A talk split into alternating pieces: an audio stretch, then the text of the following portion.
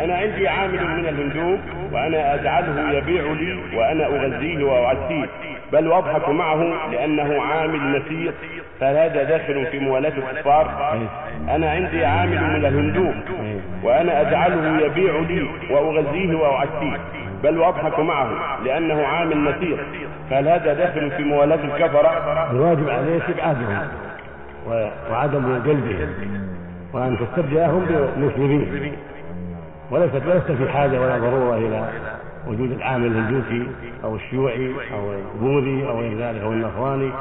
الحمد لله قد أنك الله بوجود المسلمين. فالواجب عليك إبعادهم أما كون هذا من الموالاة هذا هي تفصيل ليس استخدام الموالاة لكنه لا يجوز من أجل النبي عن ذلك عليه الصلاة والسلام. أما اتخاذه صديقا وحبيبا تعامله معاملة الصديق هذا نوع من الموالاة. والموالاة غير التولي. الموالاة معصية.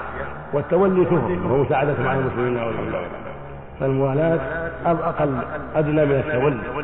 الموالاة محبتهم أو إهداء شيء إليهم أو البشاشة في وجوههم أو بدءهم بالسلام هذا نوع من الموالاة محرمة.